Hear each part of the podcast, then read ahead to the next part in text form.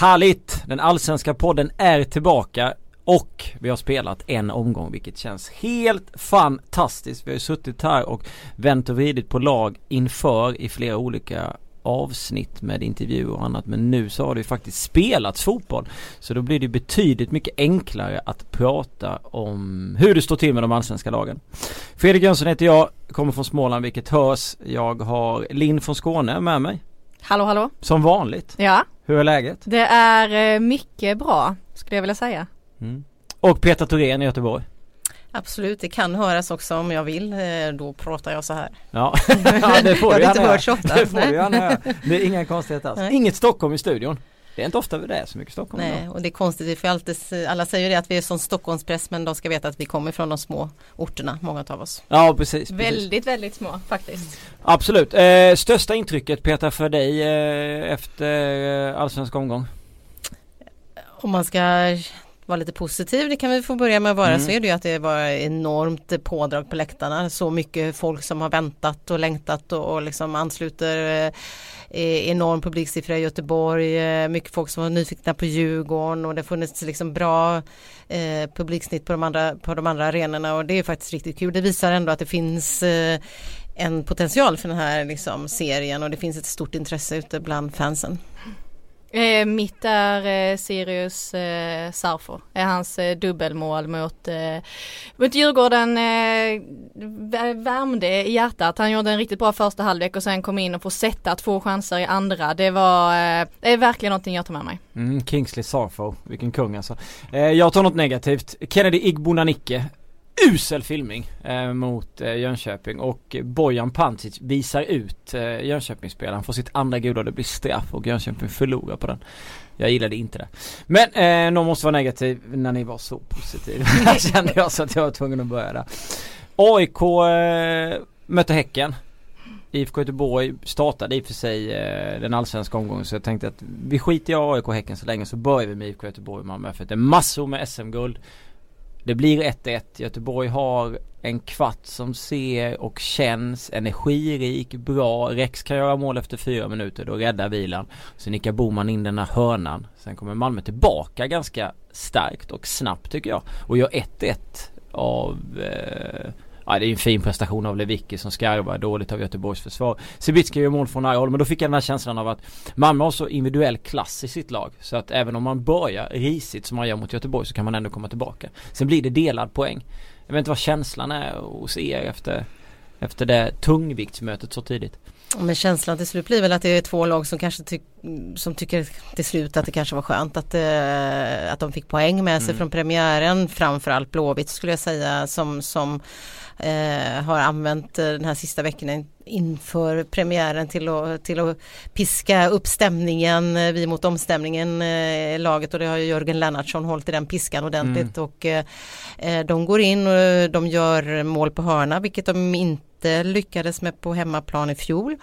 Gjorde de inte det alls? Nej, de, om jag inte helt fel ute så gjorde de ingen mål på hörna hemma i fjol. Ja okej. Eh, så det, då fick de liksom bockat av det som de vet att de ska bli bättre på. Då kan de lyfta, lyfta varandra med det och sen eh, har de ju ändå intressanta spelare in det här laget men, men strukturen på det får vi ju ha några omgångar för, för att se var de landar. Det blev ju till slut mycket blåvitt eh, känsla kring, kring matchen med, med mycket kamp och löpningar då. Istället för det här trillande spelet och passningsspelet som man vill utveckla och man kanske kan få på sikt och kan få i perioder. Men, men där är ju Malmö skickligare framförallt under den, den deras bästa perioden. Men jag tyckte man såg lite av att det finns någonting verkligen att bygga på i Blåvitt som jag inte trodde. Det är synd att man eh, faller tillbaka och backar hem efter första målet. För hade man fortsatt som man gjorde de första 20 minuterna så eh, hade Malmö fått det väldigt, väldigt svårt. Så det känns som att det är lite självförtroende och lite rädsla i Blåvitt att man tog detta målet och sen så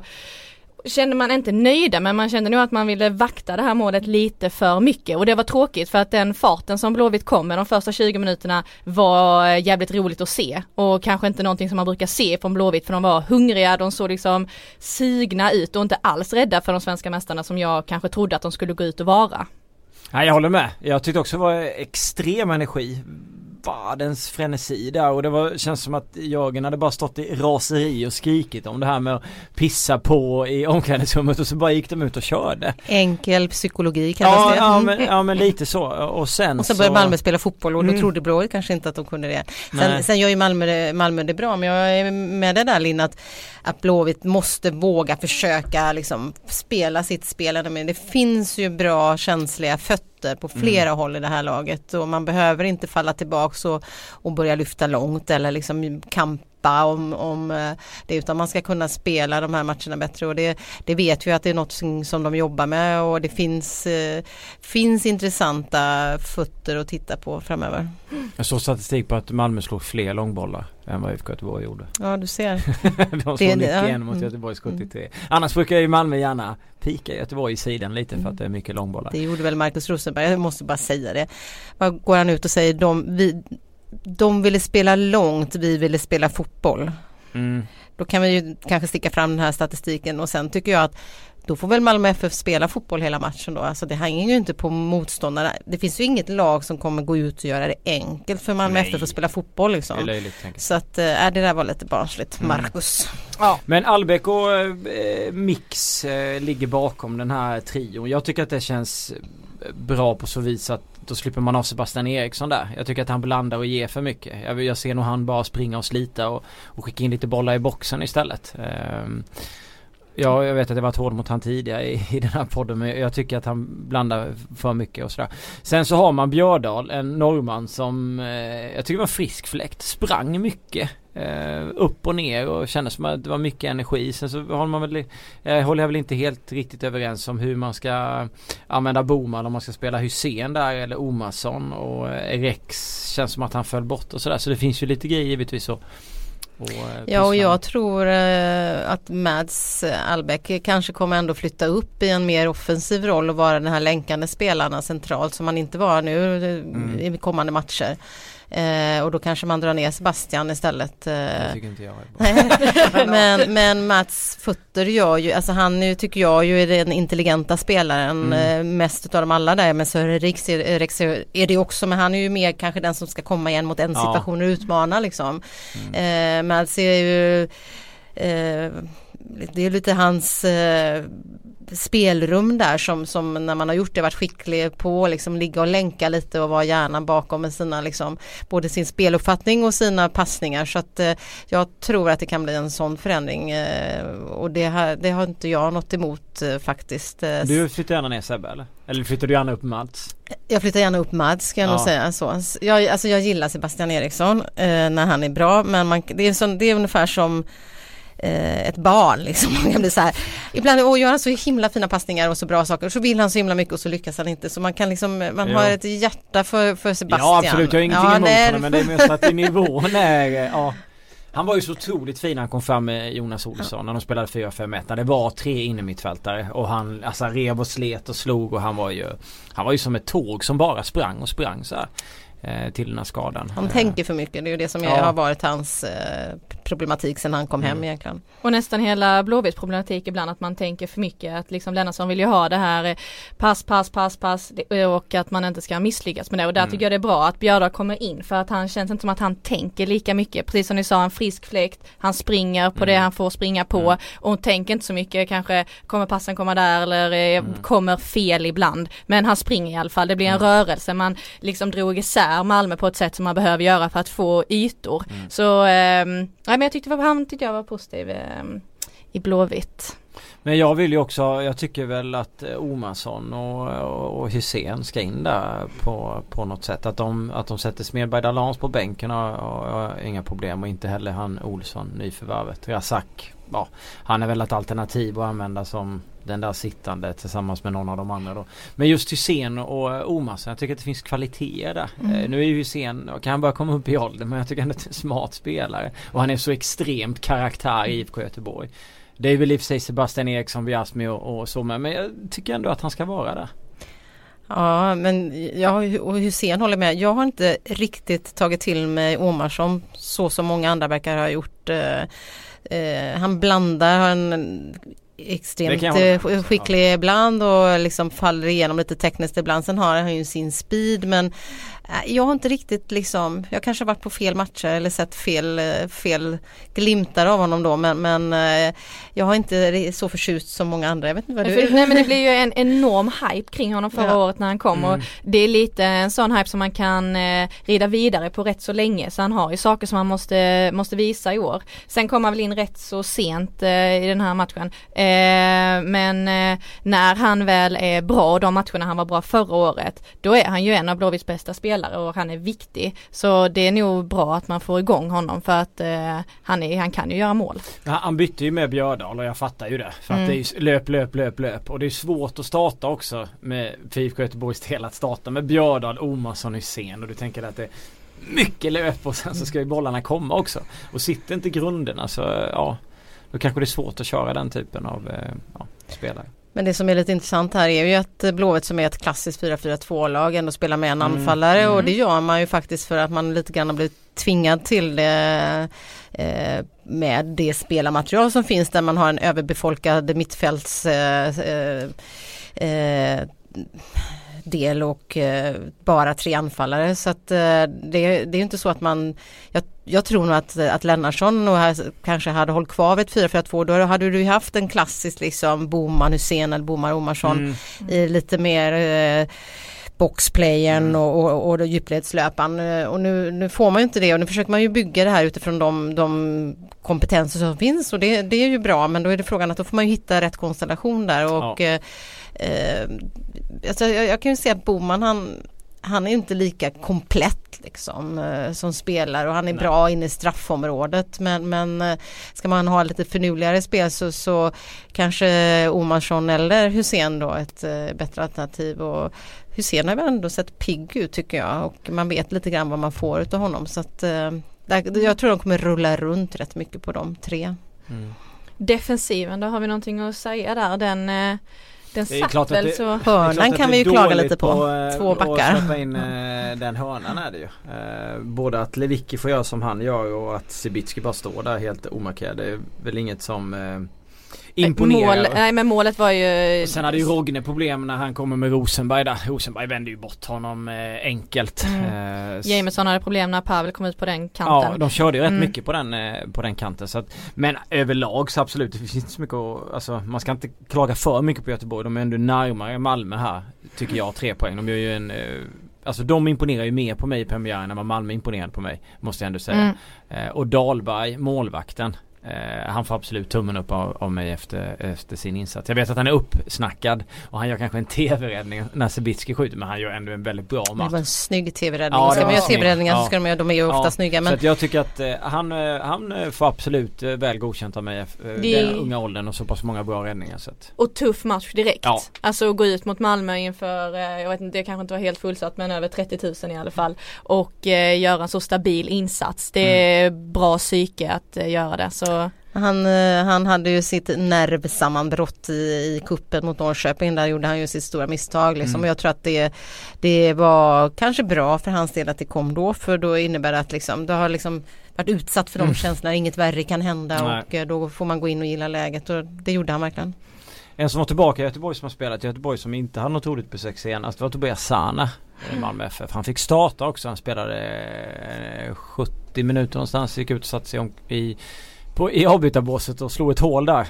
Eh, inte helt nöjd med den situationen och jag förstår ju om man inte är nöjd med sin egen insats och, och sådär. Det kanske inte Massa armbågar måste han ju ha om man ja, får hål jag på det kände där. också det. Ja. Alltså, eh, Ja, jag trodde först att det var någon som hade kastat och gjort hålet. Eh, men ja. Men eh, hur som helst. Eh, Malmö, de bytte Eikrem också i, i paus. eh, Och Mm. Det funkade inte riktigt för dem. Det var ju för sig deras första tävlingsmatch det här året och de har skador och sånt så att man får väl ändå Fast de har en extremt bred trupp Jo, så att de de kan också, inte men, komma eh, undan med de Men man, får skadorna. en, man kan väl ändå skylla lite på det eller? Eller ska vi ta Magnus Passan i försvar eller ska vi rikta kritik mot honom?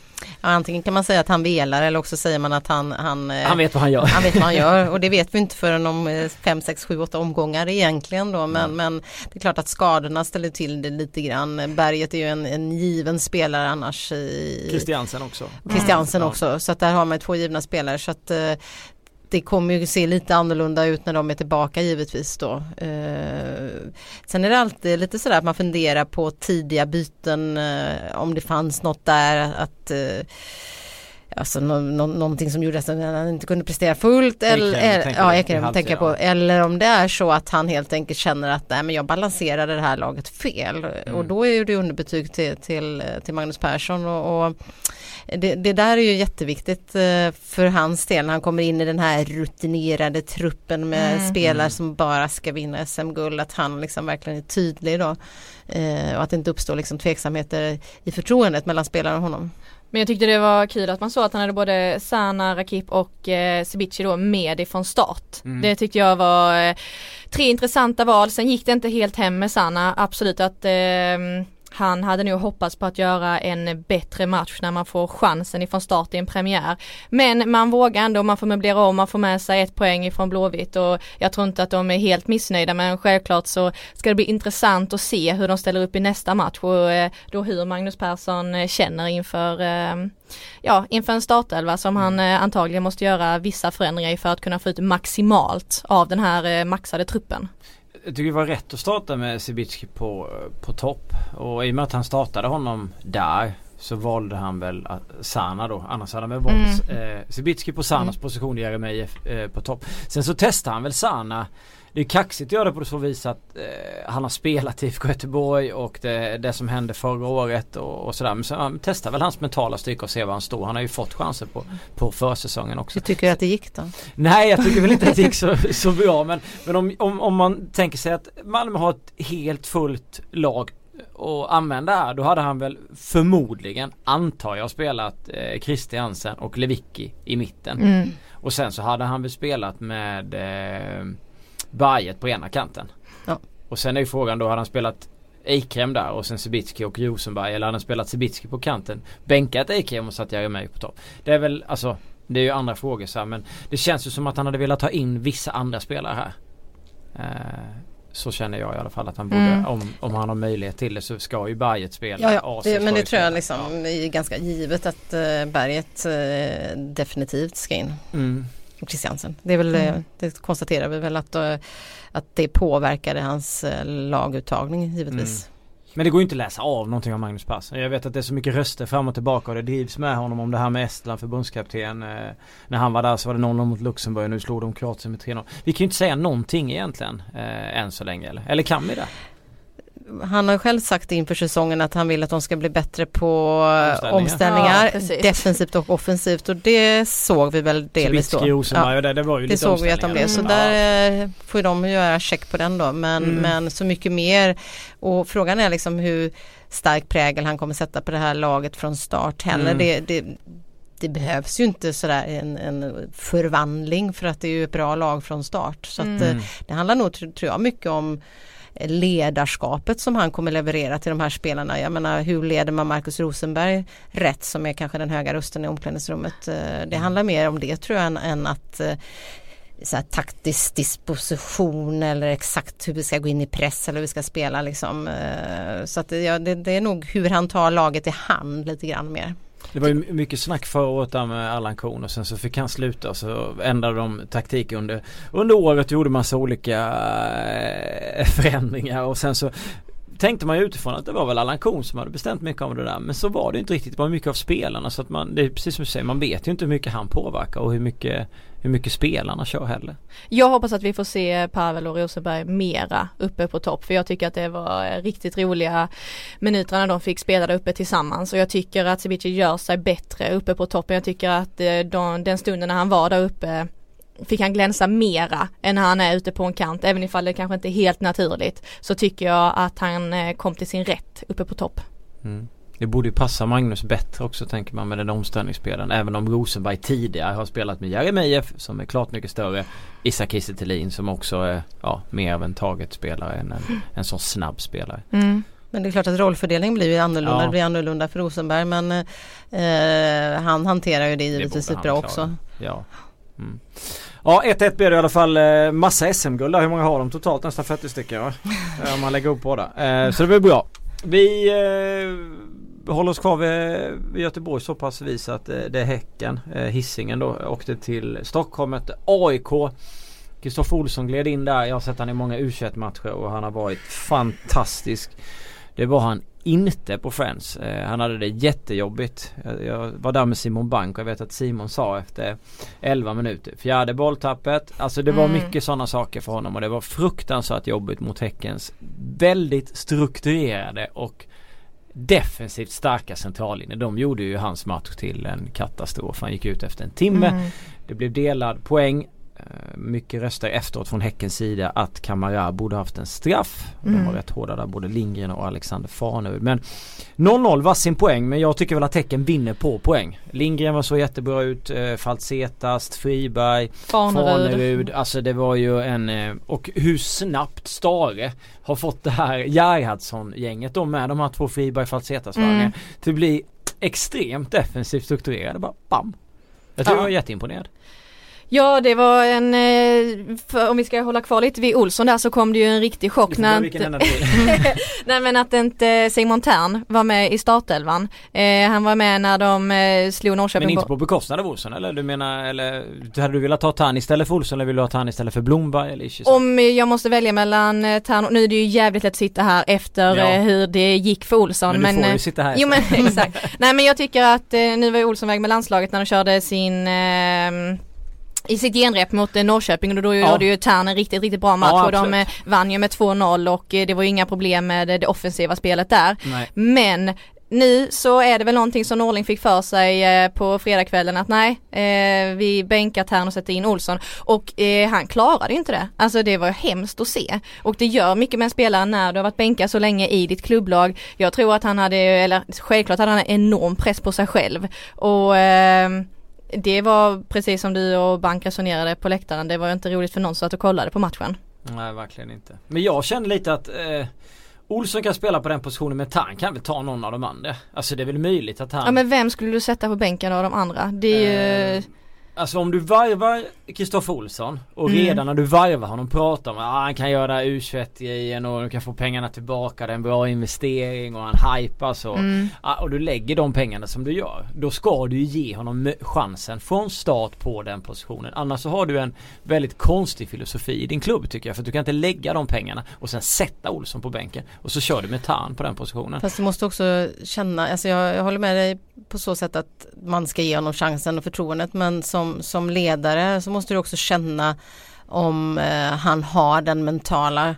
förmågan mm. att, att hantera det mm. och det hade han ju bevisligen Nej, inte. inte. Eh, och då är det frågan om man har byggt honom för mycket. Han kanske inte är mottaglig för det här liksom yttre byggandet utan hade kanske behövts liksom slussas in i rollen och det kunde han gjort med spel från start men, men frågan är liksom om det är de yttre förväntningarna från, från liksom från fans eller från eh, ledningen liksom mm. Eh, och Rickard i slutändan som, som, gör att han får mer eller mindre prestationsångest för det är väl det det handlar om. Och det är ju en mm. enorm viktig position i eh, AIKs ja, lagbygge som han får. Alltså han ska vara spelfördelare, sätta fart till anfallen och han ska ha någon form av struktur i det defensiva spelet också. Och eh, när han inte fungerade då fallerar ju mm. AIK. Alltså mm. det var ju stundtals som eh, det såg ut som att eh, har ni tränat på detta innan. De föll tillbaka så extremt långt. Det var andra spelare som fick gå in och skulle ta det här ansvaret som Olsson egentligen skulle tagit och då tappar man allting i det offensiva mm. spelet.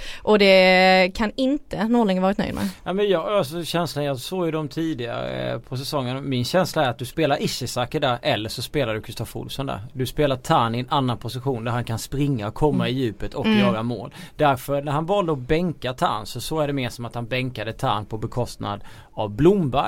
Mm. Det är väl inte positionen för Olsson som är problematiken utan problematiken är att han inte hanterade uppgiften. Ja, och, mm. och jag också. tror att uh, ge honom en eller två, tre omgångar så kommer han hantera det jättebra. Liksom. Vilken Norling pratade eh, om det efteråt. Ja, det så att, ja jag tror det är ungefär som vi var inne på Pontus Dahlberg här innan. Han gör misstaget i kuppen liksom. Ja. Mm. Jag tror att han kommer bara växa till det där liksom och uh, det kan ju inte bli värre. Nej och sen ska vi också komma ihåg att det är inte lätt att ha en Fanerud i hälarna hela tiden. Stare kände ju på sig detta, möblerade om lite sitt mm. eget missfält och sen var det som att Fanerud hade något eh, liksom luktsinne efter Olsson. Han var ja. ju honom upp i hälarna hela matchen tills han då äntligen fick, eh, fick lämna planen nästan. Så han fick ju hårdast möjliga motstånd i eh, den här Fanerud som är Absolut. en fantastisk fotbollsspelare. Det var jätteroligt att se. Han gick ju efter, kändes som att han gick efter Ishizaki också när han tog den positionen. Det var precis precis som att ja, han, ska, han ska paja allting. Men där hade de, det var ju nästan deras första riktiga anfall. När Ishizaki går ner på den positionen. Mm. Tan tar Ishizakis position och springer i djupled då. Mm. Och så spe, hittar han väl fram till Tan som slår inlägget till Goitom och så skjuter han den utanför. Mm.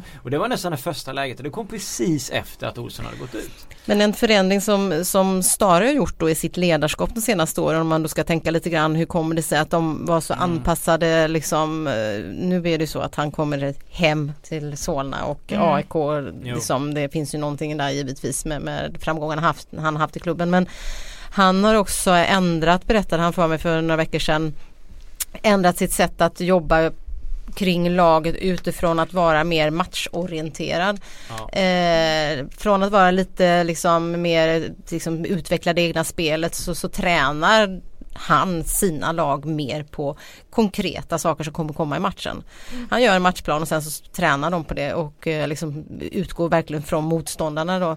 Eh, och det var ju det vi såg här och det, det kanske är liksom skillnad på honom mot när han var i Blåvitt det här första året framförallt i Blåvitt där, där det var lite liksom real Blåvitt snack och vi ska mm. spela så fin fotboll. Nu har, nu, vet, nu har han ett lag med färdiga spelare. Det är mm. väldigt många spelare som har varit ute i ligor som har vunnit och som, som har liksom eh, som, som kan spela fotboll så att sätta en, en defensiv struktur för honom eller det som krävs för att slå ett AIK är, det är inte mycket han behöver skruva på för det är skickliga spelare som fattar det. Det räcker att han säger till Fanerud. Nu jagar du sönder, vi ser att Olsson är lite en liten hundvalp här som inte är färdig för det här liksom. Så mm. ut och jaga honom så, så har du en mm. terrier efter dig. Så att det tror jag är en del i Stares struktur och sen så tror jag också att eh, Häcken efter alla dessa år med mycket skickliga Peter Gerhardsson men, men alltså det är en tränare som har ett väldigt högt prestationstänk. Äntligen, säger jag då, har fått in lite lite mer vinnarmentalitet ja. mm. och lite rakare struktur. Jag tror att vi kommer få se tecken som ser lite olika ut från match till match men, men som också kommer ha en förmåga att stänga matcher och sätta mm. punkt för matcher och liksom gå in och göra det de ska matcher. Man kommer vinna, man ska nog vilja spela snyggt men man har fått en, en mentalitet ute på hissingen tror jag med, med Stare som, som behövs efter uh, de här utvecklingsåren med Gerhardsson. Mm. Jag kände lite att hade man vågat i tidigare läge så hade man tagit tre poäng. Det är lite så Sirius Djurgården mm. Ja men absolut. Ja men alltså nu, nu kom ju den matchen efteråt men jag vet att vi satt och pratade om den när vi, när vi satt uppe på läktaren också att nu flyttade han ju upp Rasmus Lindgren mm. eh, i andra halvlek så att han fick ju mer mittfältsposition. Han gjorde lite förändringar. Paulinho kom in med så att han var ju mer offensivt stark i slutet. Men det, det känns lite som att hade de velat eh, nu ville han väl kanske inte chansa Stare utan han ville ha sin poäng. Men hade de gjort det så tror jag nästan att de hade kunnat åka därifrån med tre. Utan att behöva gnälla på att de inte fick straff då utan att det spelmässigt hade kunnat bli. Men de hade ju självklart en enorm eh, respekt för AIK och trodde kanske de skulle möta jo. ett AIK som var mer färdigbyggt än vad de eh, gick ut och var i den här premiären. Mm. Sen så tycker jag också att Häcken, eh, nu hamnade ju Fanerud lite längre ner i, i defensiven när han fick jaga då Olsson i första halvlek och då så får ju Friberg en lite mer offensiv roll. Jag hade nog gärna sett en liten skillnad där. Att Friberg går ner och tar kanske mm. lite mer defensivt jobb och att vi får se att eh, Fanerud eh, jobbar mera uppåt som eh, ja, någon form av eh, länkspelare liksom upp till eh, anfallarna. I, det kan vi se med annat motstånd. Men innan vi avslutar AIK, tycker vi att eh, Olsson ska ha den eh, positionen? Jag tycker att han ska ha den positionen. Ja. Jag tycker det var smärtsamt att se men självklart det var första matchen och som vi redan konstaterat det kan bara bli bättre. Det kommer att lösa sig. Mm. Kristoffer tror jag faktiskt. Ja det Om, hoppas jag. Men det gäller, det gäller att hantera de här första dagarna nu väldigt bra att de har gjort det och att de liksom fortsätter ändå genom förtroende och bygga honom annars, annars men, men på rätt sätt då. Det är ju en klok, han är ju smart ja. alltså. Simon Tanner hyllade, hyllade honom enormt. Han sa att han är smart för sitt eget bästa. Så det, det, är, alltså, det, är väl, det är väl bara det här andra att kunna funka i AIK. Det, alltså det, det kan vara tufft att Ja men de måste ju få med sina forwards i spelet. Kirpic var ju helt eh, avhuggen. Alltså eh, såg ju knappt honom under eh, matchen och så kan de ju absolut inte ha det. Bollarna nu, kom inte fram. Nu kliver Peter ut. Tack för att du var med. Jag ska hem till Göteborg. ja, och ska åka hem Hej då till Peter. regniga Göteborg. Vi får väl in eh, Bränning istället här. Patrik eh, Bränning ska komma in och, och joina joina den allsvenska podden här eh, när eh, Peter försvinner. Känner Men- vi oss färdiga med AIK? Jag känner att vi har lite saker till som vi kanske skulle diskutera. Ja det, det är klart att det kan finnas rätt mycket runt, eh, runt, eh, runt AIK. Jag, jag- alltså eh, det är ju det där mittfältet. Mm. Eh, det var ju många som Alltså det finns ju de definitivt som tycker att man behöver ha Blomberg, Blomberg kvar där. Och det kan jag ju definitivt förstå för jag, Alltså vad han bidrar med men, men Och jag, att han är så stabil. Ja. Att man, du vet ju vad du får. Ja men jag känner ändå att jag vill eh, Jag vill ha Olsson, Ishizaki och Tan. Eh, och jag vill ha Tan i i, eh, i djupledslöpningarna eh, och det här slitet och, och allt det där. Och För det var inte mycket djupledslöpningar som vi fick se från AIK i matchen. Och kunde Nej tanken var nästan- väl att Ishi skulle gö- göra lite av- det där men så såg man att när Ishi tog Olssons position där de det här läget då springer ju Tan direkt. Mm, exakt. Eh, och genom att göra, ge Tan den rollen och kanske ha Ishizaki lite längre ner och hjälpa Olsson då kanske du får igång igång Koffe på ett sätt som gör att han inte att han inte försvinner som han gjorde. Och eh, man trodde ju aldrig att man skulle säga att när eh, Markkanen kom in så såg AIK rörligare ut. Men eh, så var det ju faktiskt. Mm. Alltså han eh, tog ju fler löpningar än vad vi såg någon av de andra göra under eh, slutet på andra halvlek. Jag såg nästan lite av den där eh, Zlatan-frustrationen i landslaget när Henrik Goitom går ner Mm. och vill ha boll på mittplan. Mm, För att det inte funkar. exakt. Han fick ju gå in och, och bryta flera gånger när det inte funkade, när det bara rullades boll där nere från Häckens sida. Ja. Och eh, då kom inte Goitom till sin rätt och det är inte så han ska göra. Han ska inte ta det ansvaret på den positionen. Nej. Så att eh, där tappade ju AIK extremt mycket i spetsen. Sen har vi då äh, Amina Fana som har så mycket under försäsongen. Han var inte ombytt. Jag vet inte riktigt varför om det bara var en eh, stenhård petning. Jag har inte läst att han var skadad någonstans men eh, Ja jag såg han glida runt eh, på Friends med kavaj eh, efteråt och sådär. Men Per Karlsson och eh, Nisse är det väl ingenting att säga om. De gjorde väl Han fick är slita, alltså Per fick slita lite med, med Kamara några gånger. Alltså, alltså han känns Jag måste ha blåmärken efter hans skott alltså. Han, Ja. alltså både Nisse och Per stod ju eh, och täckte några av hans eh, rejäla Ja. bombningar. Eh, så att jo de hade ju lite att slita men han är ju extremt fysiskt eh, spelare så att eh, det är självklart att de var svettiga efter matchen. Men eh, annars, jag tycker de skötte sig bra. Ja definitivt håller jag med om. Ehm, helt klart.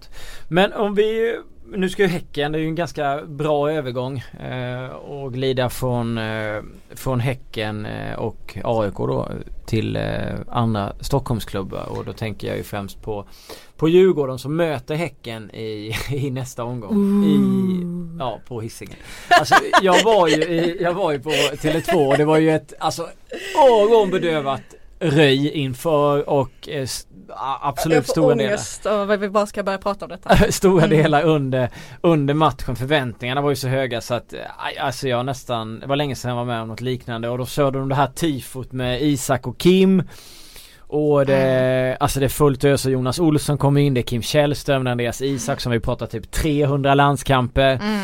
Och vi har Kerim Rabti och vi har Mange Eriksson, det är också profiler. Mm. Gustavs första fight, han ska spela med Tino Kadewere och sen in med Beijmo och Öskan säger innan det är lika bra att bara kasta in allihop. Och sen efteråt så eh, blev det inte alls som man hade tänkt sig. Jag tycker väl ändå att första halvlek någonstans, eh, det kan ju ha att göra med att ja, Sirius kanske inte väljer att hota så mycket eller inte vågar eller hota eller har det jobbigt men Alltså det finns ändå lite tendenser i Mm. Djurgården. Mm. Några få tendenser. Inte att de spelar som ett lag men de har ändå några kombinationer. Jag tycker oftast att de spelade som en och en och enmansanfall. Men de hade en situation där Kim sökte Tino och Tino släppte tillbaka till till Mange Eriksson tror jag det var och han skickade direkt på Engvall och Engvall hade löpt och sen skulle han hitta in till Tino så slog han på Sirius fötter Men Engvall såg väl framförallt i första halvlek eh, jävligt pigg ut. Alltså han Jo. går ju också rakt in i en Ja. startelva. Eh, men jag tycker att eh, han gjorde det bra även ifall eh, den här sista touchen inte sitter och det kanske är förståeligt eh, efter det han har eh, gått igenom som vi ändå Mm. får kalla det. Mm. Men jag tycker också att eh, Djurgården eh, såg helt okej ut i första halvlek för att vara ett så pass oprövat lag som de ändå de är. Inte, de är inte ihopspelta. Nej och det kan man ju inte riktigt begära men sen får de då två snabba mål emot sig i början på andra halvlek och eh, hur kan man inte ha orken att komma tillbaka efter det? Alltså det är för mig ett så stort frågetecken och det är precis som Mange Eriksson säger efter matchen, det, att det var pinsamt. Och lite den känslan fick man att två mål, eh, det- ska liksom inte knäcka ett sånt lagbygge. Även ifall man inte är samspelta så finns det individuellt skickliga spelare som ska gå ut och ta mera ansvar. Man, alltså, eh, ja. Jag vill, inte Nej, ens men- tänka på det kommer gå mot Häcken. Nej men jag håller med om det. Alltså man kan ju vända på det så att det är så pass många nya så att man inte har gjort den här vändningen eller upphämtningen tidigare. Så att det kanske är svårt att veta exakt hur man ska trigga Nej men där, Men å andra där sidan finns det så otroligt starka karaktärer Ja det är ju där laget, rutinen ska kicka ja, in. mm. Varför värva hem sådana profiler om de inte ska gå in då med sin rutin i ett sånt här läge och visa vägen. Mm. Det spelar ju ingen roll, självklart det är nyförvärv, de är inte ihopspelade. Men rutinen ska ju väga så extremt tungt i ett sånt här fall och det gör det inte. Nej. Den enda som jag, vi brukar ju dela ut 1, 2, 3, 4, 5 plus. Det är inte riktigt att, eh, det, är inte som när det är landslaget utan när, när, när han spelar då i landslaget får 5 plus så, så har han varit fantastisk. Utan, utan det här är 1 till 5, eh, de fem bästa spelarna. Och den enda jag gav ett plus, ett pluset då, eh, det var eh, i eh, Djurgården var Gustav Engvall. För att jag tyckte att han ändå utnyttjade det som Gustav kan.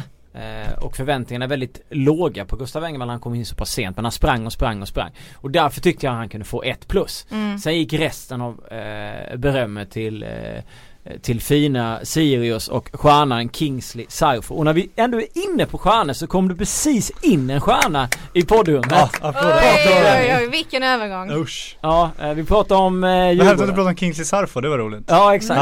Ja. Eh, O- oväntat va? Det Vi har oväntat. på, eh, till dig som eh, Djurgården hade. Eh, Nej vad tråkigt. Men, eh, men hela Kingsley Sarfo, du kan väl eh, tömma allt du har om honom? Eh, jag ska inte ta med allt jag har, för jag håller på att skriva om honom just nu. Så Aha, vi får du se, se vad som dyker upp. Men eh, eh, fantastiskt genombrott ju. Man är förvånad att han inte eh, Spelar någon annanstans? Ja precis. Sen snackade jag med hans, en kille som var med och tog honom till Sverige en gång i tiden och han sa att han det, han, liksom, han höjer sig när han spelar med likasinnade som han beskrev det. Så han hade svårt när han spelade division 2 att verkligen eh, liksom sticka ut och övertyga. Men sen när han kommer upp till allsvensk nivå då håller han allsvensk nivå Mom deserves the best, and there's no better place to shop for Mother's Day than Whole Foods Market. They're your destination for unbeatable savings, from premium gifts to show-stopping flowers and irresistible desserts. Start by saving 33% with Prime on all body care and candles. Then get a 15-stem bunch of tulips for just $9.99 each with Prime. Round out Mom's menu with festive rosé, irresistible berry chantilly cake, and more special treats. Come celebrate Mother's Day at Whole Foods Market. Och lite till och han tror att om han kommer upp ännu högre så kommer han hålla den nivån och lite till. Så att det var hans förklaring till att han har spelat Sirius så länge, som han ändå har Mm. gjort. Ja. Men jag tycker att man såg det även i Superettan förra året att det fanns eh, riktigt fina fötter, bra första touch och att han är låg tyngdpunkt, snabb men han gjorde ju inte mål. Och lite det fick man ju se i första halvlek. Lite eufori med utan mål. Ja, ja men typ. Men man fick ju också se lite i första halvlek att eh, han har ju någonting i sig men då trodde jag att det skulle bli precis som Superettan. Ja det är en eh, bra fotbollsspelare men han gör inte mål. Och sen går han in och sätter eh, dit två stycken på en minut. Och då eh, helt plötsligt så, så har man ju alla kvaliteter som krävs för att bli en riktigt bra fotbollsspelare. Kim Bergstrand, tränaren där i, i Sirius, han sa ju det att de eh, hade fått skambud och de skambuden ville han inte ens prata om för att de var sådana sjuka skambud eh, på honom. Eh, och Lagerlöf sa ju också efteråt att det var jättekonstigt att han inte spelar eh, utomlands. Men det, det var häftigt, jag och Niva var ju där och varje gång Kingsley gjorde den typen av grejer så tittade man på varandra och garvade lite åt och tänkte att alltså han, han älskar ju det här. Alltså, han Mm. tunnlar Kim, han vänder och vrider mot Kim liksom på mittplan så här, Kim hänger inte med för fem öre. Och han, alltså så, så härlig fotbollsspelare på något sätt och sen gör han de här två målen och sen får han så mycket smällar och så står han ändå bara garva efteråt och säger Mm. jag var med där för jag kände det mot Göteborg då när Sebastian Eriksson hade sprungit och sparkat på honom att så här kommer det vara. Jag kommer Mm. ha ont hela tiden men jag tycker Mm. ändå att det är så pass kul. jag är van vid det här liksom. Så att han känns ju som en skön snubbe. Men det är ju kaxigt att presentera sig för den allsvenska publiken genom att tunnla Kim. Jo, Alltså, jo, jo. det är ju, det är ju riktigt bra och sen då få göra två mål. Ja. Och i andra målet så var det ju, jag tror var det Sirelius som kom med bollen och väntade ut, eh, väntade ut Olsson på ett perfekt sätt innan han la ut bollen till, eh, till vänster. Så att det var ju smart spelat av Sirius hela vägen i båda två målen. Ja absolut, men det andra målet är ju en, en lektion där man ska, Ja. där man verkligen ska visa att så här gör man inte efter att man har släppt in ett mål. Alltså det är så uselt alltså. Nio man i anfall för Mm. Djurgården eh, efter Det det är målet. 30 minuter, alltså det är 35 minuter kvar när man släppt in 1-0. Varför bara kliva upp med hela laget? Kim det- sa att han, blir- han, jag vet inte vad som hände, jag såg inte. Alltså du vet såhär.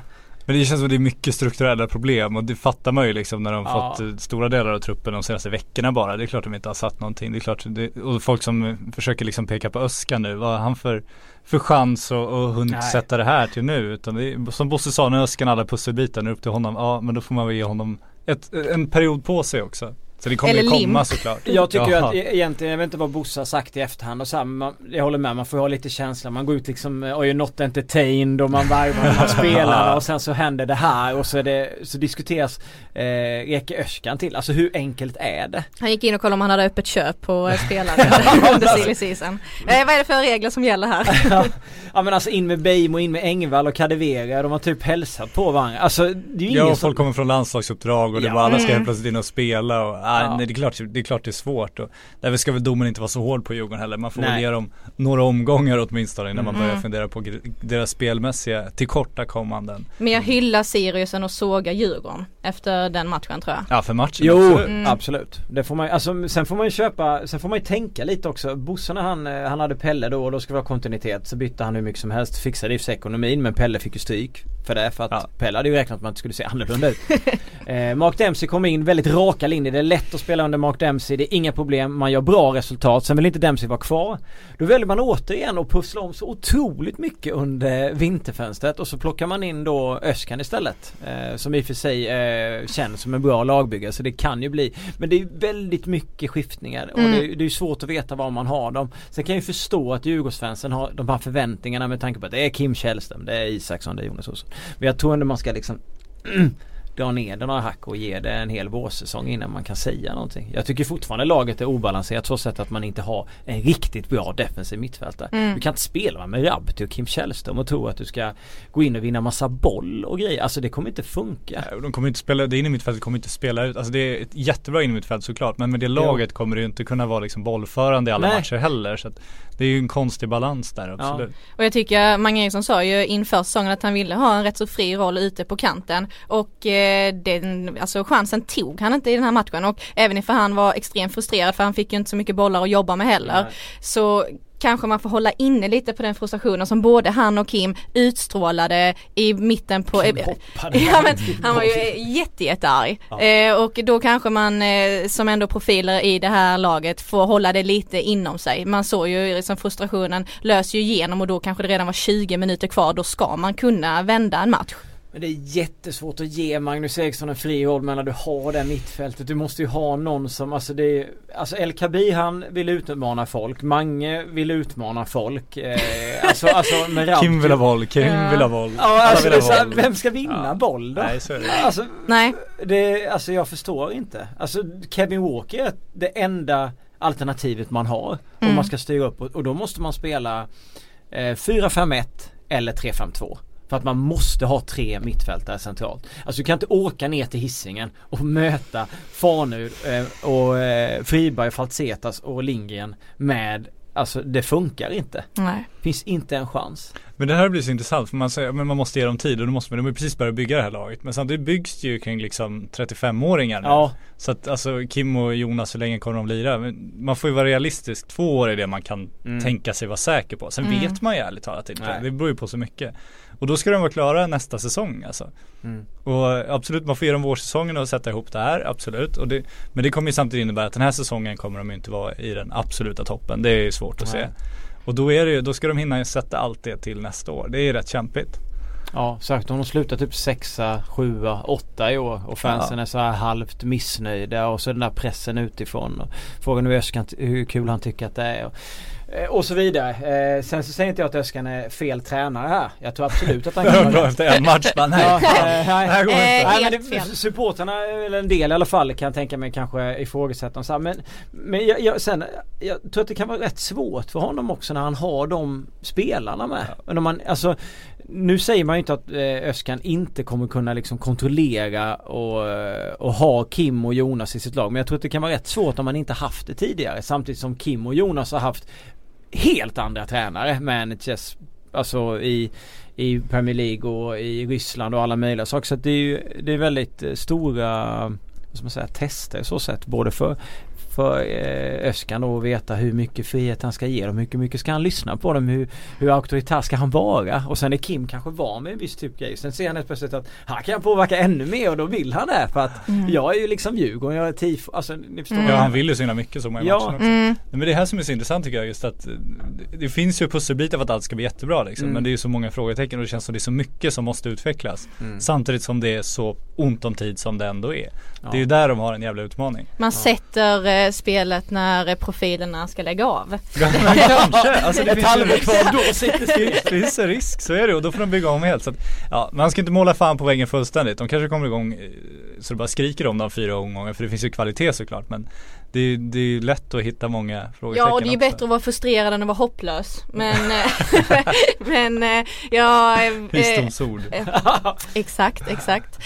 Men ner och möta Häcken alltså. Ja nej det, det Andra matchen. Kim sa också att det är bättre att ha de här spelarna i laget än emot sig. Det är också intressant. Ja, Han är vänder på det på det här sättet. Eh, ja nej men eh, vi, vi pratade om AIK innan du eh, kom in eh, Bränning här och då känns det som att i AIK hade en kille det väldigt jobbigt. Eh, annars så har de säkert kanske en spel idé som är längre fram. Spelgrund, eh, trygghet än vad, än vad Djurgården har just nu. Men om vi då går ännu ett eh, steg längre fram som jag känner. Men vi tar det laget som är profilsvagast av de tre i Stockholm. Det är ju Hammarby utan tvekan. Men det känns som att de imponerar lite mer på mig för att det blev bara 1-2 bort uppe i Norrköping och det såg ändå eh, helt OK ut. Eh, tycker jag ändå. Och det känns som att Mickelsen har med sin trupp insett eh, vad som finns där och har ändå liksom byggt Ja, något ganska okej det är lite förväntningarna också. Hade Jo, AIK gjort den insatsen så hade du kanske inte tyckt att det såg okej ut. Så att, Nej så är det. Det- Nej Mm. så är det nej Hammarby har- förväntar man sig ju ingenting av. Alltså, Nej. han har ju verkligen, han har ju inte fått alla pusselbitar så, för att göra ett superlag. Han har fått Jiloan Ahmad och så ska han göra så mycket som möjligt av det. Mm. Mm. Han hade i och för sig bra men Nej jättebra. Han gjorde det Eh, jättebra.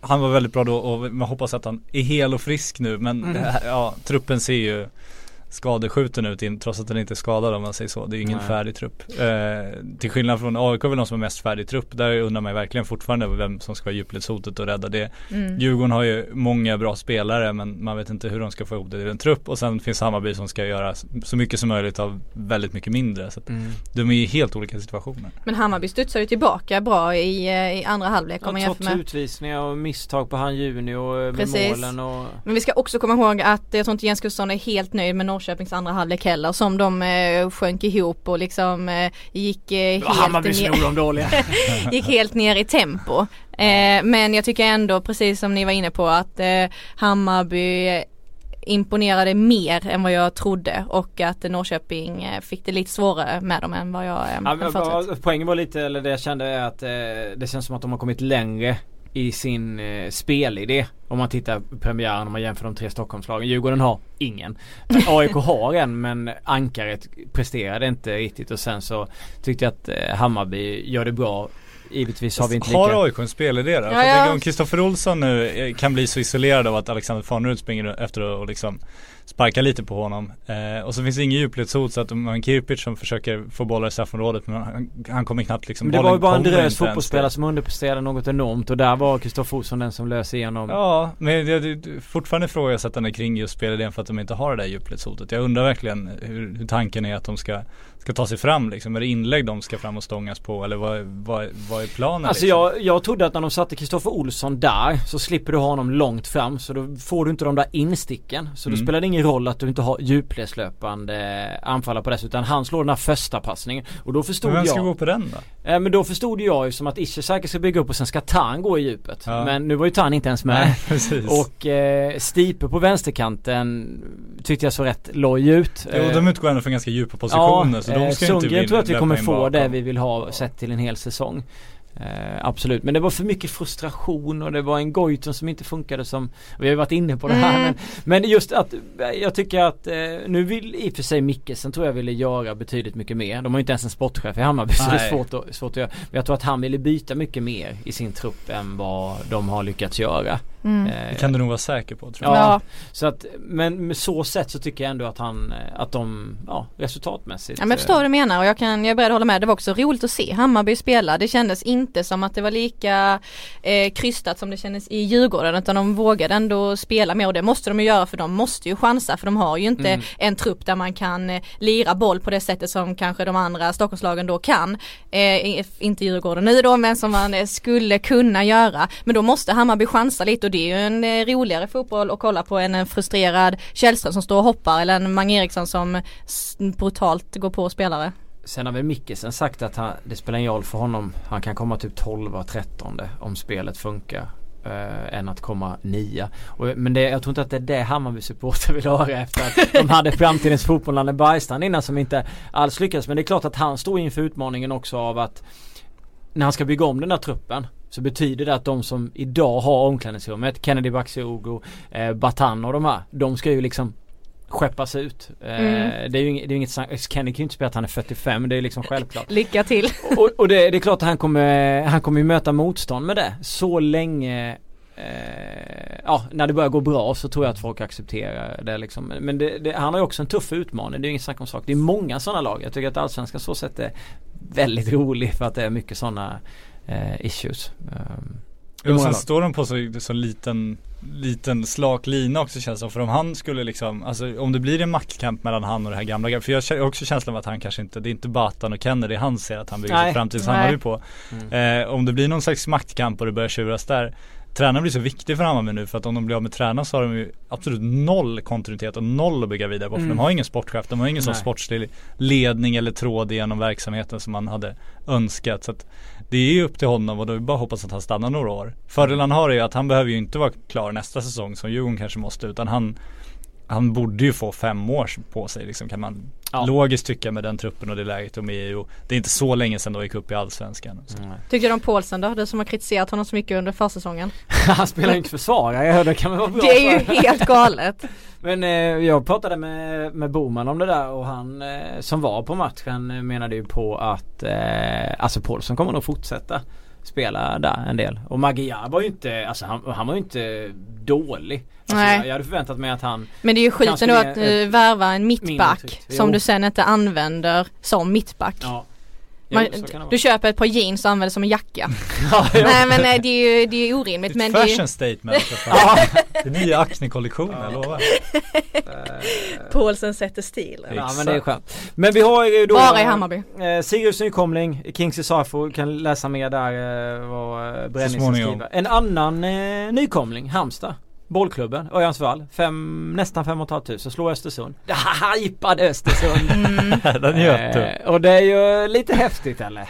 Örjansvall, Allsvenska charmigaste arena fortfarande. Ja. Sead Haksabanovic, den Ja. otroligt uppskrivna och väldigt talangfulla Och spelare. gå ut och leverera. Ja. Alltså i en sån match, det, han vet hur mycket Halmstad behöver, eh, han och hans bollsinne och att han kan göra mål och gå ut och göra det i första matchen och vilket eh, jävla mål också. Mm. Det är imponerande. Mm. Och så skönt för dem att få starta på det här sättet. Ja, Som de som ändå är, de man känner att av nykomlingarna så känns det som de som man liksom ändå minst, alltså AFC kan ju bli som vad som att, helst. eh, Ja men trupp, alltså kolla snittåldern i deras trupp. Det är ju häpnadsväckande hur ung trupp de har. Det känns Mm. som ett ett BP på något sätt. Det vore kul om det är en filosofi de tänker köra. Att lik BP liksom, ja, men oavsett hur det går så kör vi på med det här. Vi kommer ju åka jojo men vem vill tro på det här och Mm. på lång sikt är det här, den här klubben ska vara. Alla kan inte vara elitklubbar, alla kan inte gå för SM-guld. Sen eh, kanske det är svårt för vissa Halmstad-fans att svälja att man skulle bli någon slags typ utvecklingsklubb. Men på lång sikt kanske det är en lämpligare roll på något sätt. Och på lång sikt så har man nog gärna kvar Sead Haksabanovic. Det kan man Ah. säga. Sen får vi se hur långsiktigt det blir. Man, jag är ju själaglad att han inte gick nu direkt. Alltså blev någon sån här Melker Hallberg-fall liksom. ja. Hade ju bara Ja. Men bra också av dem att eh, hålla nollan mot eh, Östersund som annars är målfarliga. Det tyder Mm. också på att man eh, eh, har liksom kvar en stomme i backlinjen.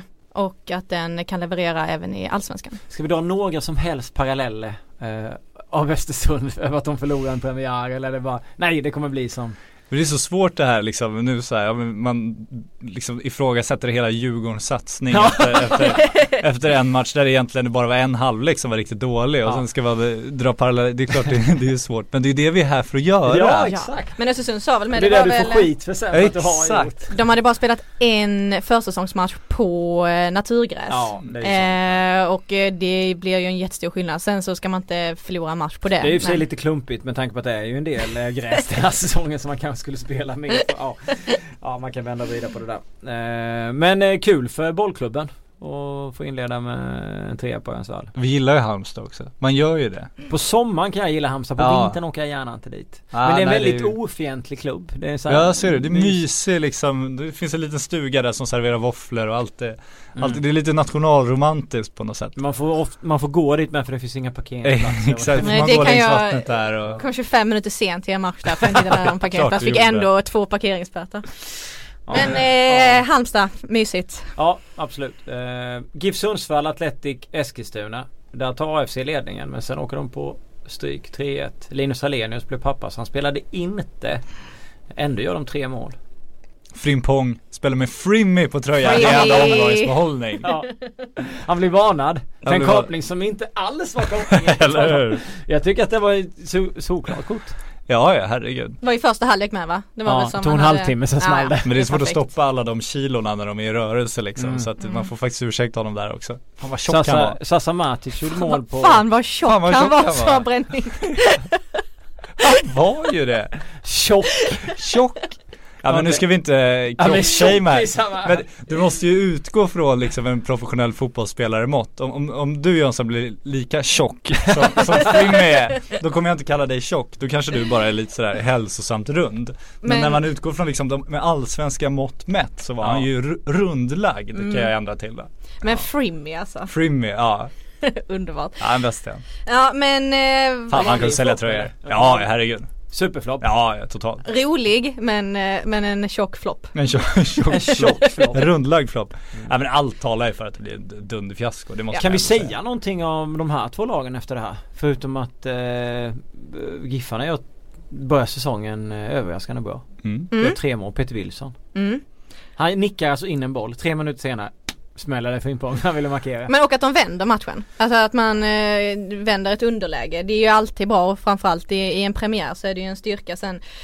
Kanske det inte var eh, det mest eh, svårspelade motståndet på andra sidan men eh, man vände ändå och gör ändå tre Men mål. det är också en sån här klubb som har bytt eh, halva laget. Och så ska man sitta här och bara, nej men deras spelidé. Alltså det är så här, vad, alltså det går inte att läsa av någonting av det där. Eller? AFC eller Ja jag Giffarna? tänkte med Ja, men det. AFC, vilket, vilket av lagen? De har ju bytt så mycket folk som helst. Mm. Ja nej det där men det känns som ett, det, alltså om man tittar på Sirius som ett så här långsiktigt bygge. Båda kommer ju med extrema finansiärer som Mm. in väldigt mycket pengar. Mm. Men Sirius har ju gjort, liksom har ju byggt en klubb bara, de har byggt en ungdomsverksamhet, de har gjort ett sportslig ledning som ska ha en, en tråd som är genomgripande, de har liksom en, en strategi De är med kvar i hela samma föreningen. stad. De är kvar i samma stad, bara en sån sak. De har en stad där det kommer eventuellt kunna finnas ett ganska stort publikunderlag. Ja. Eh, de har gjort en satsning som liksom där hela föreningen ska byggas för att på sikt bli Alltså AFC är ju verkligen som en dagslända. Alltså drar bussryssen imorgon så har de ett problem. Ja.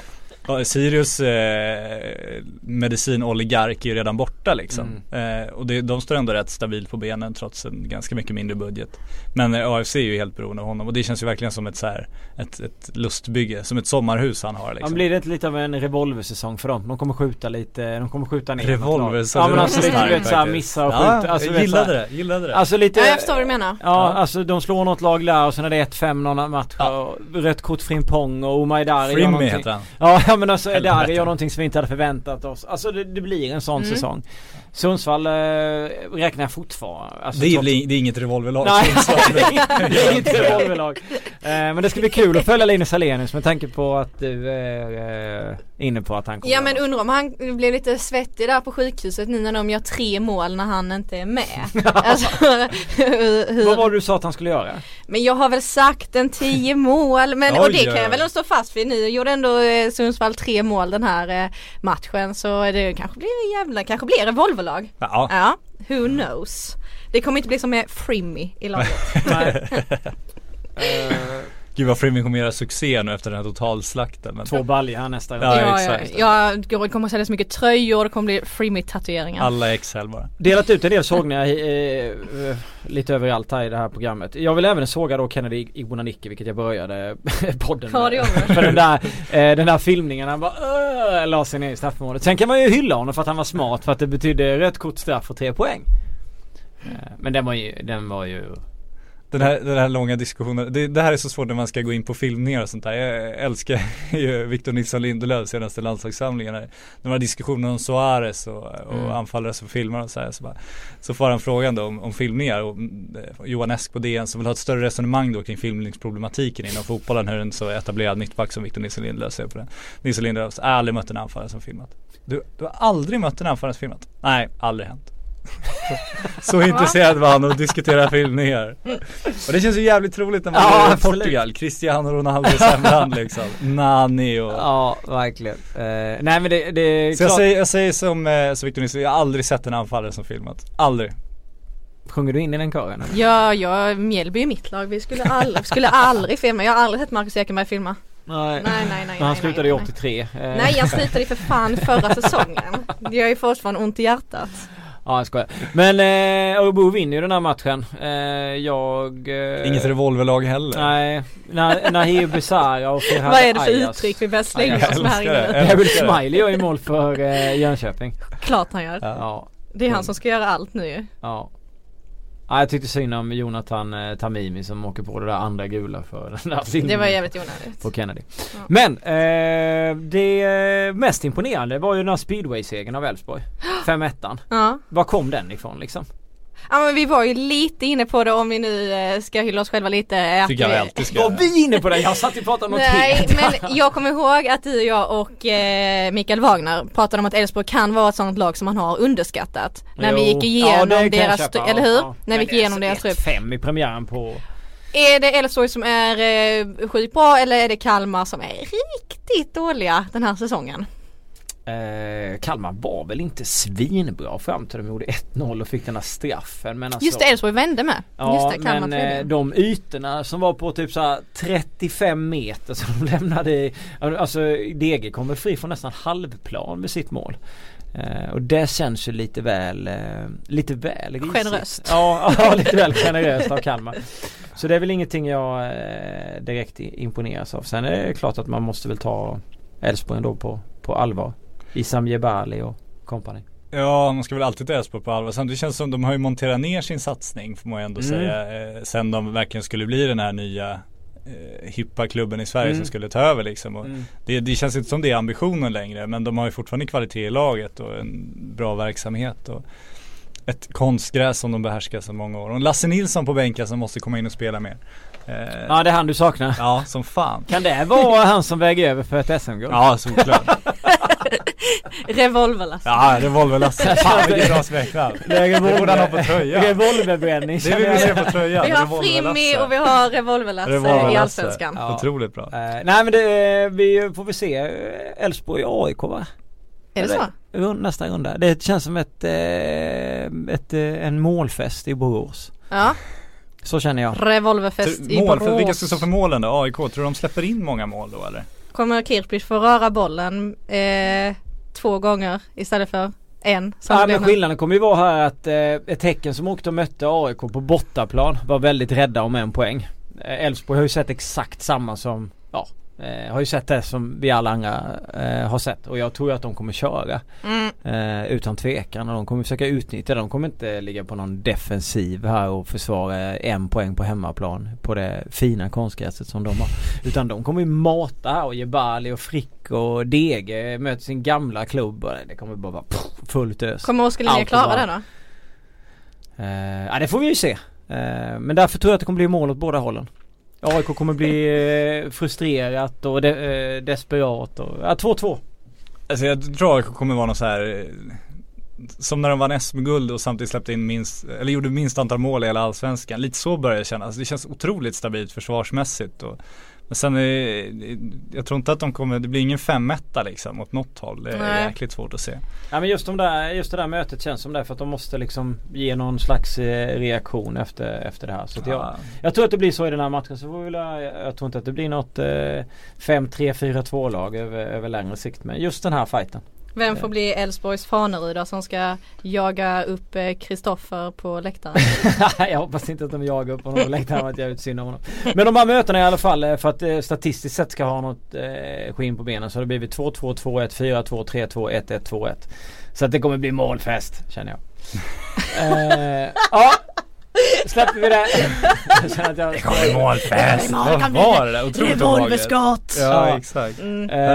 Pang, pang, pang, pang. Fredrik Kalleström han verkar älska Sirius. Eh, Hur underskattade Sirius frågar han. Hur kunde alla missa Saifo? Ingen som kollat på Sirius de senaste säsongerna. Jag läste faktiskt något innan ni ska få svar på frågan om eh, att Djurgården ska ha varit intresserade enligt Uppsala Nya Tidning eller vad det var. Mm. Eh, och att, eh, att då hade- ringde Kim Källström och sa att han ville komma hem och då slängde de Saifo åt sidan och tog Kim istället. Jag vet inte om det stämmer. Ja, Det var ju snack om när Ofori lämnade AIK också att han skulle Ja. komma in och ersätta där men eh, Alltså sen så här, alla missat, alla har inte missat, han blir utsedd till Superettans bästa spelare. Ja. Fotbollssverige har haft koll på, Mm. på honom. Men det sjuka är ju om det kommer från Superettan och är bra där är en sak. Han gjorde väldigt få mål där sista säsongen, var ganska, eller var ju väldigt hårt tagen av motståndarna. De hade ju koll på honom såklart. Mm. Men att komma upp i Allsvenskan och vara så överlägsen som han var i den matchen. Det är ju där man blir, man blir inte förvånad att han är bra. Nej. Men man Nej. blir förvånad att han är bäst. Mot Och att han Djurgården. gör mål, för det är precis som du säger, det Ja. hade han ju problem med förra säsongen. Han var ju extremt eh, duktig och precis som du säger med, då hade de ju mer koll på honom så han fick ju eh, mer spela på sig än vad han fick eh, av Djurgårdsspelarna. Men han är ju inte bortglömd, det skulle jag inte vilja säga. Och sen så tror jag inte de superettan eh, lagen ställde upp med den, med det självförtroende på ett innermittfält med. Kim Källström och Murab. Du möter han Häcken till exempel så kommer han ju inte alls få. Nej, det, inte- det är ju där det blir intressant och Ja. just som du säger, de hade ju ingen, eh, ingen, ingen släpande mittfältare liksom. Ingen, och då, han fick ju enorma ytor där och eh, tog ju väl Han hade lekstuga. Det kan man Men kommer Mange Erikssons frisyr ryka nu efter den här yr-isla Jag pallar inte fråga honom nästa Premiären. säga. Släppa Mange Jag Erikssons frisyr nu. kan Ni inte måste släppa den och gå Ställa sig så här efter 0-2 mot Sirius och peka på hans hår. Varför har du inte klippt det? Alltså han hade ju... Ni ja. måste gå vidare. Ja, eh, Olof Jönsson frågar, är Svanberg i MFF överskattad trots skador i laget? Inte ens ett inhopp och till och med Sanna går, verkar gå före. Jag tror inte, alltså överskattad är han väl inte. Det är väl bara att Magnus Persson vill testa andra mer, eh, vad ska man säga, meriterade alternativ före. Ja, Bra alltså, diplomatiskt svar. Ja men jo, är det men så? eh, jag tycker ändå att eh, Magnus Persson gjorde några, som vi var inne på innan, eh, intressanta val i startelvan och skulle man då tagit in en Svanberg där med så hade det ju blivit eh, en riktig skräll. Sen kanske han skulle fått eh, Det är spela inte Revolver-Magnus det här. Nej nej nej nej nej, Nej. Alltså, det är ingen revolver Nej. Persson här inte. Men eh, jag vet inte, kanske några minuter. Nej, men jag tycker att det var bra med Sanna. Testa hans mentala styrka. Han har haft det jobbigt i Malmö. Fixar han det här nu möter han eh, sin gamla klubb. Det är väl häftigt att, att prova. Eh, Visat armbågarna mer än formen verkar han ha gjort. Ja, verkligen. Oskar Isaksson frågar om Östersunds förlust. Eh, om vi kan läsa ut någonting. Jag säger nej på den frågan. Eh, och sen går vi vidare. Eh, lite snack om J Södra. Vore kul. Inte pratat så mycket om det hittills. Säger Mattias Sörensson. Eh, dåliga avslut hade de mot Örebro. Och saknade Pavel Cibicskis fart. Självklart. Eh, men jag vill nog se fler matcher av dem innan jag De kom ju ändå till avslut. Det Jo, ju- men de- ju men de- men det var ju faktiskt dåliga positivt. avslut ja, mot Jo Örebro, men så var det men det var ju ändå så att bollen kom, eh, rullades fram hela vägen. mm, Eh, och eh, även ifall man inte då sätter chanserna så skapar man ändå. Mm. Jag trodde faktiskt att de skulle ta Örebro borta. Jag vet inte varför jag hade den hybrisen som smålänning men, men jag trodde ju det. Eh, men eh, ja.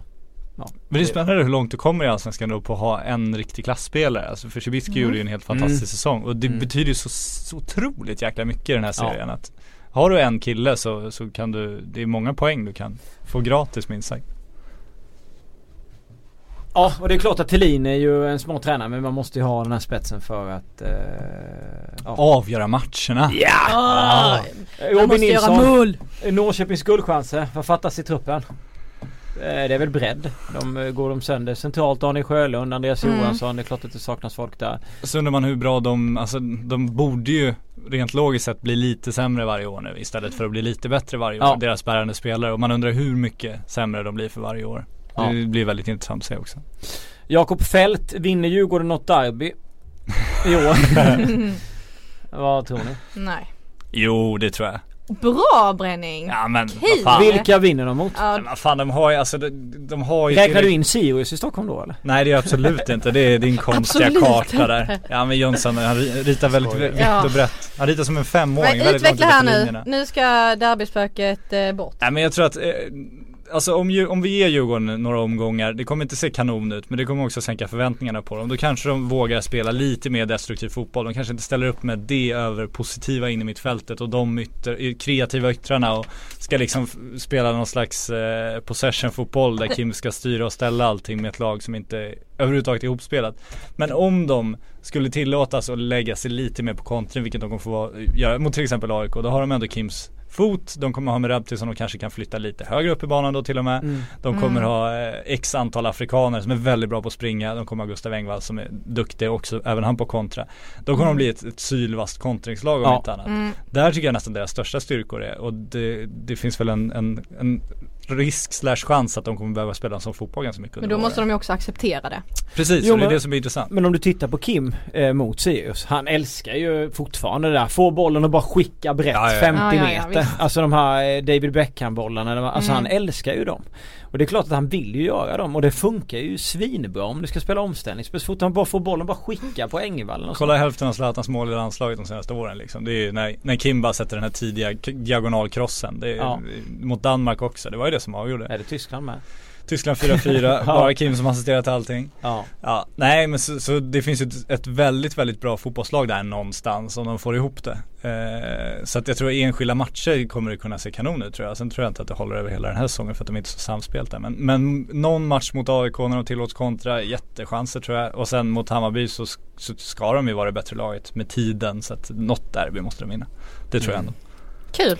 Publik i fantastiska premiärer och så vidare. Hur bra publik har allsvenskan? Fråga Per, Erik, eh, eller per Eriksson och Gomil. Det är väl alltså Det är väl många av de här matcherna där fansen är bättre än kvaliteten på fotbollsplanen. Mm. Så vi vill bortskämda med det i Sverige även om vi har lite problem med med lite pyroteknik och eh, maskering och, och annat på, på läktaren så Men det är väl som hockeynästorn Emil Karlsson Lagnelius konstaterade eh, halvvägs in i premiäromgången. Jag tänkte göra det. Ja, men, eh, spelkvaliteten 1 plus, publiken 5 plus.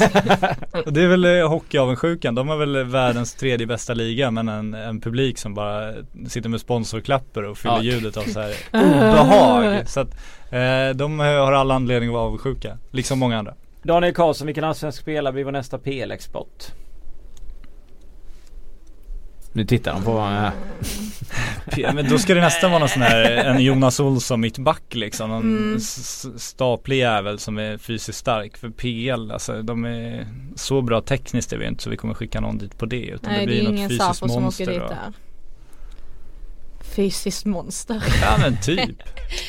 En back tänkte Men du? direkt från Allsvenskan kommer inte hända heller. Så Nej. Rickard någon Andersson frågade om. Jebali, hur länge han blir kvar? Det blir inte Jebali eller? Svårt. Nej. Gud vad knepig den var. Ja den är svår. Jag har ingen, eh, inget bra svar. Nej inte jag heller. Nej. Hur länge blir Jebali kvar då? Spelar han året också? Sen går han till Frankrike? Holland? Holland tror jag. Okej, vilket, vad blir det för klubb? Heerenveen? Han går till Belgien. Nej inte Belgien. Ja. Har du någon Eh, mer härlig fråga? Ja det är en del om Djurgården och Öskan Ja men vad fan vad det var ju och jävligt dåligt. Vi måste väl komma på någon, någon spelare som vi Magnus. Persson, vem man skickar ner till Men det är liksom U19-laget. Habsabanovic, alltså men vad fan, det är, ju- han kommer inte gå till PL nu liksom. Nej. Det är klart det finns talanger men vem säger PL, då ska det, det ska ju vara en så här stor jävla mittback. Alltså för en anfallare får vi ju inte till Premier League, det har jag svårt att säga nu. Mm. Eh, Ja det är ju som brist på svenska anfallare så det är helt Ja, men så är det. otroligt. Mm. Och mittfältet då ska Någon han av målvakterna då?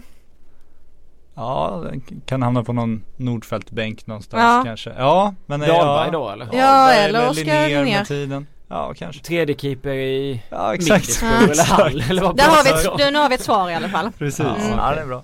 Ja, sen är det ju Elfsborg-frågor. Göran, Göran Olander där och Glenn Holvik är där. Är de topp tre? Varför pratar ingen om Elfsborg och, och sådär? Är det för att det är sexigare att prata om andra klubbar? eller vad beror Nej men det känns, ju så, det känns ju inte som de har satsat, det känns ju tvärtom. Men samtidigt Mm. har de ju eh, fortfarande en, en bra trupp och de har värvat smart liksom istället för dyrt och så. så att man, eh, man tänker inte på den så mycket. Men de går visst lite på. Tomgång. Alltså det är puttra på liksom. Ja, i- ja men precis, att det, samma. det sticker liksom inte ut så att man, man tänk, de dyker inte upp direkt. Nej exakt, Nej. men det finns ju kvalitet där såklart. Sen, sen är det ju liksom Malmö och AIK är ju de man ska slå. Ja och nu blir det ju roligt här när de möter eh, AIK i nästa omgång. Då Mm. blir det ju verkligen svar på tal. Efter den ska vi prata om Elfsborg. Ja, jävlar. Om de vinner. Då, då ska vi Det snacka. blir ju 2-2. Ja det har kommit Ja, det har jag redan sagt. 4-4 sa du va? 5-5 sa du ju. Ja. Eh, några andra känslor, tankar? Annars så bara stänger jag ner podden. Det är härligt att vi är igång. Med podden eller allsvenskan? Eh, med, va, med eh, allsvenskan. Ja, definitivt. Eh, tack för att ni har varit med och tack för att ni har lyssnat. Vi är tillbaka om en vecka igen.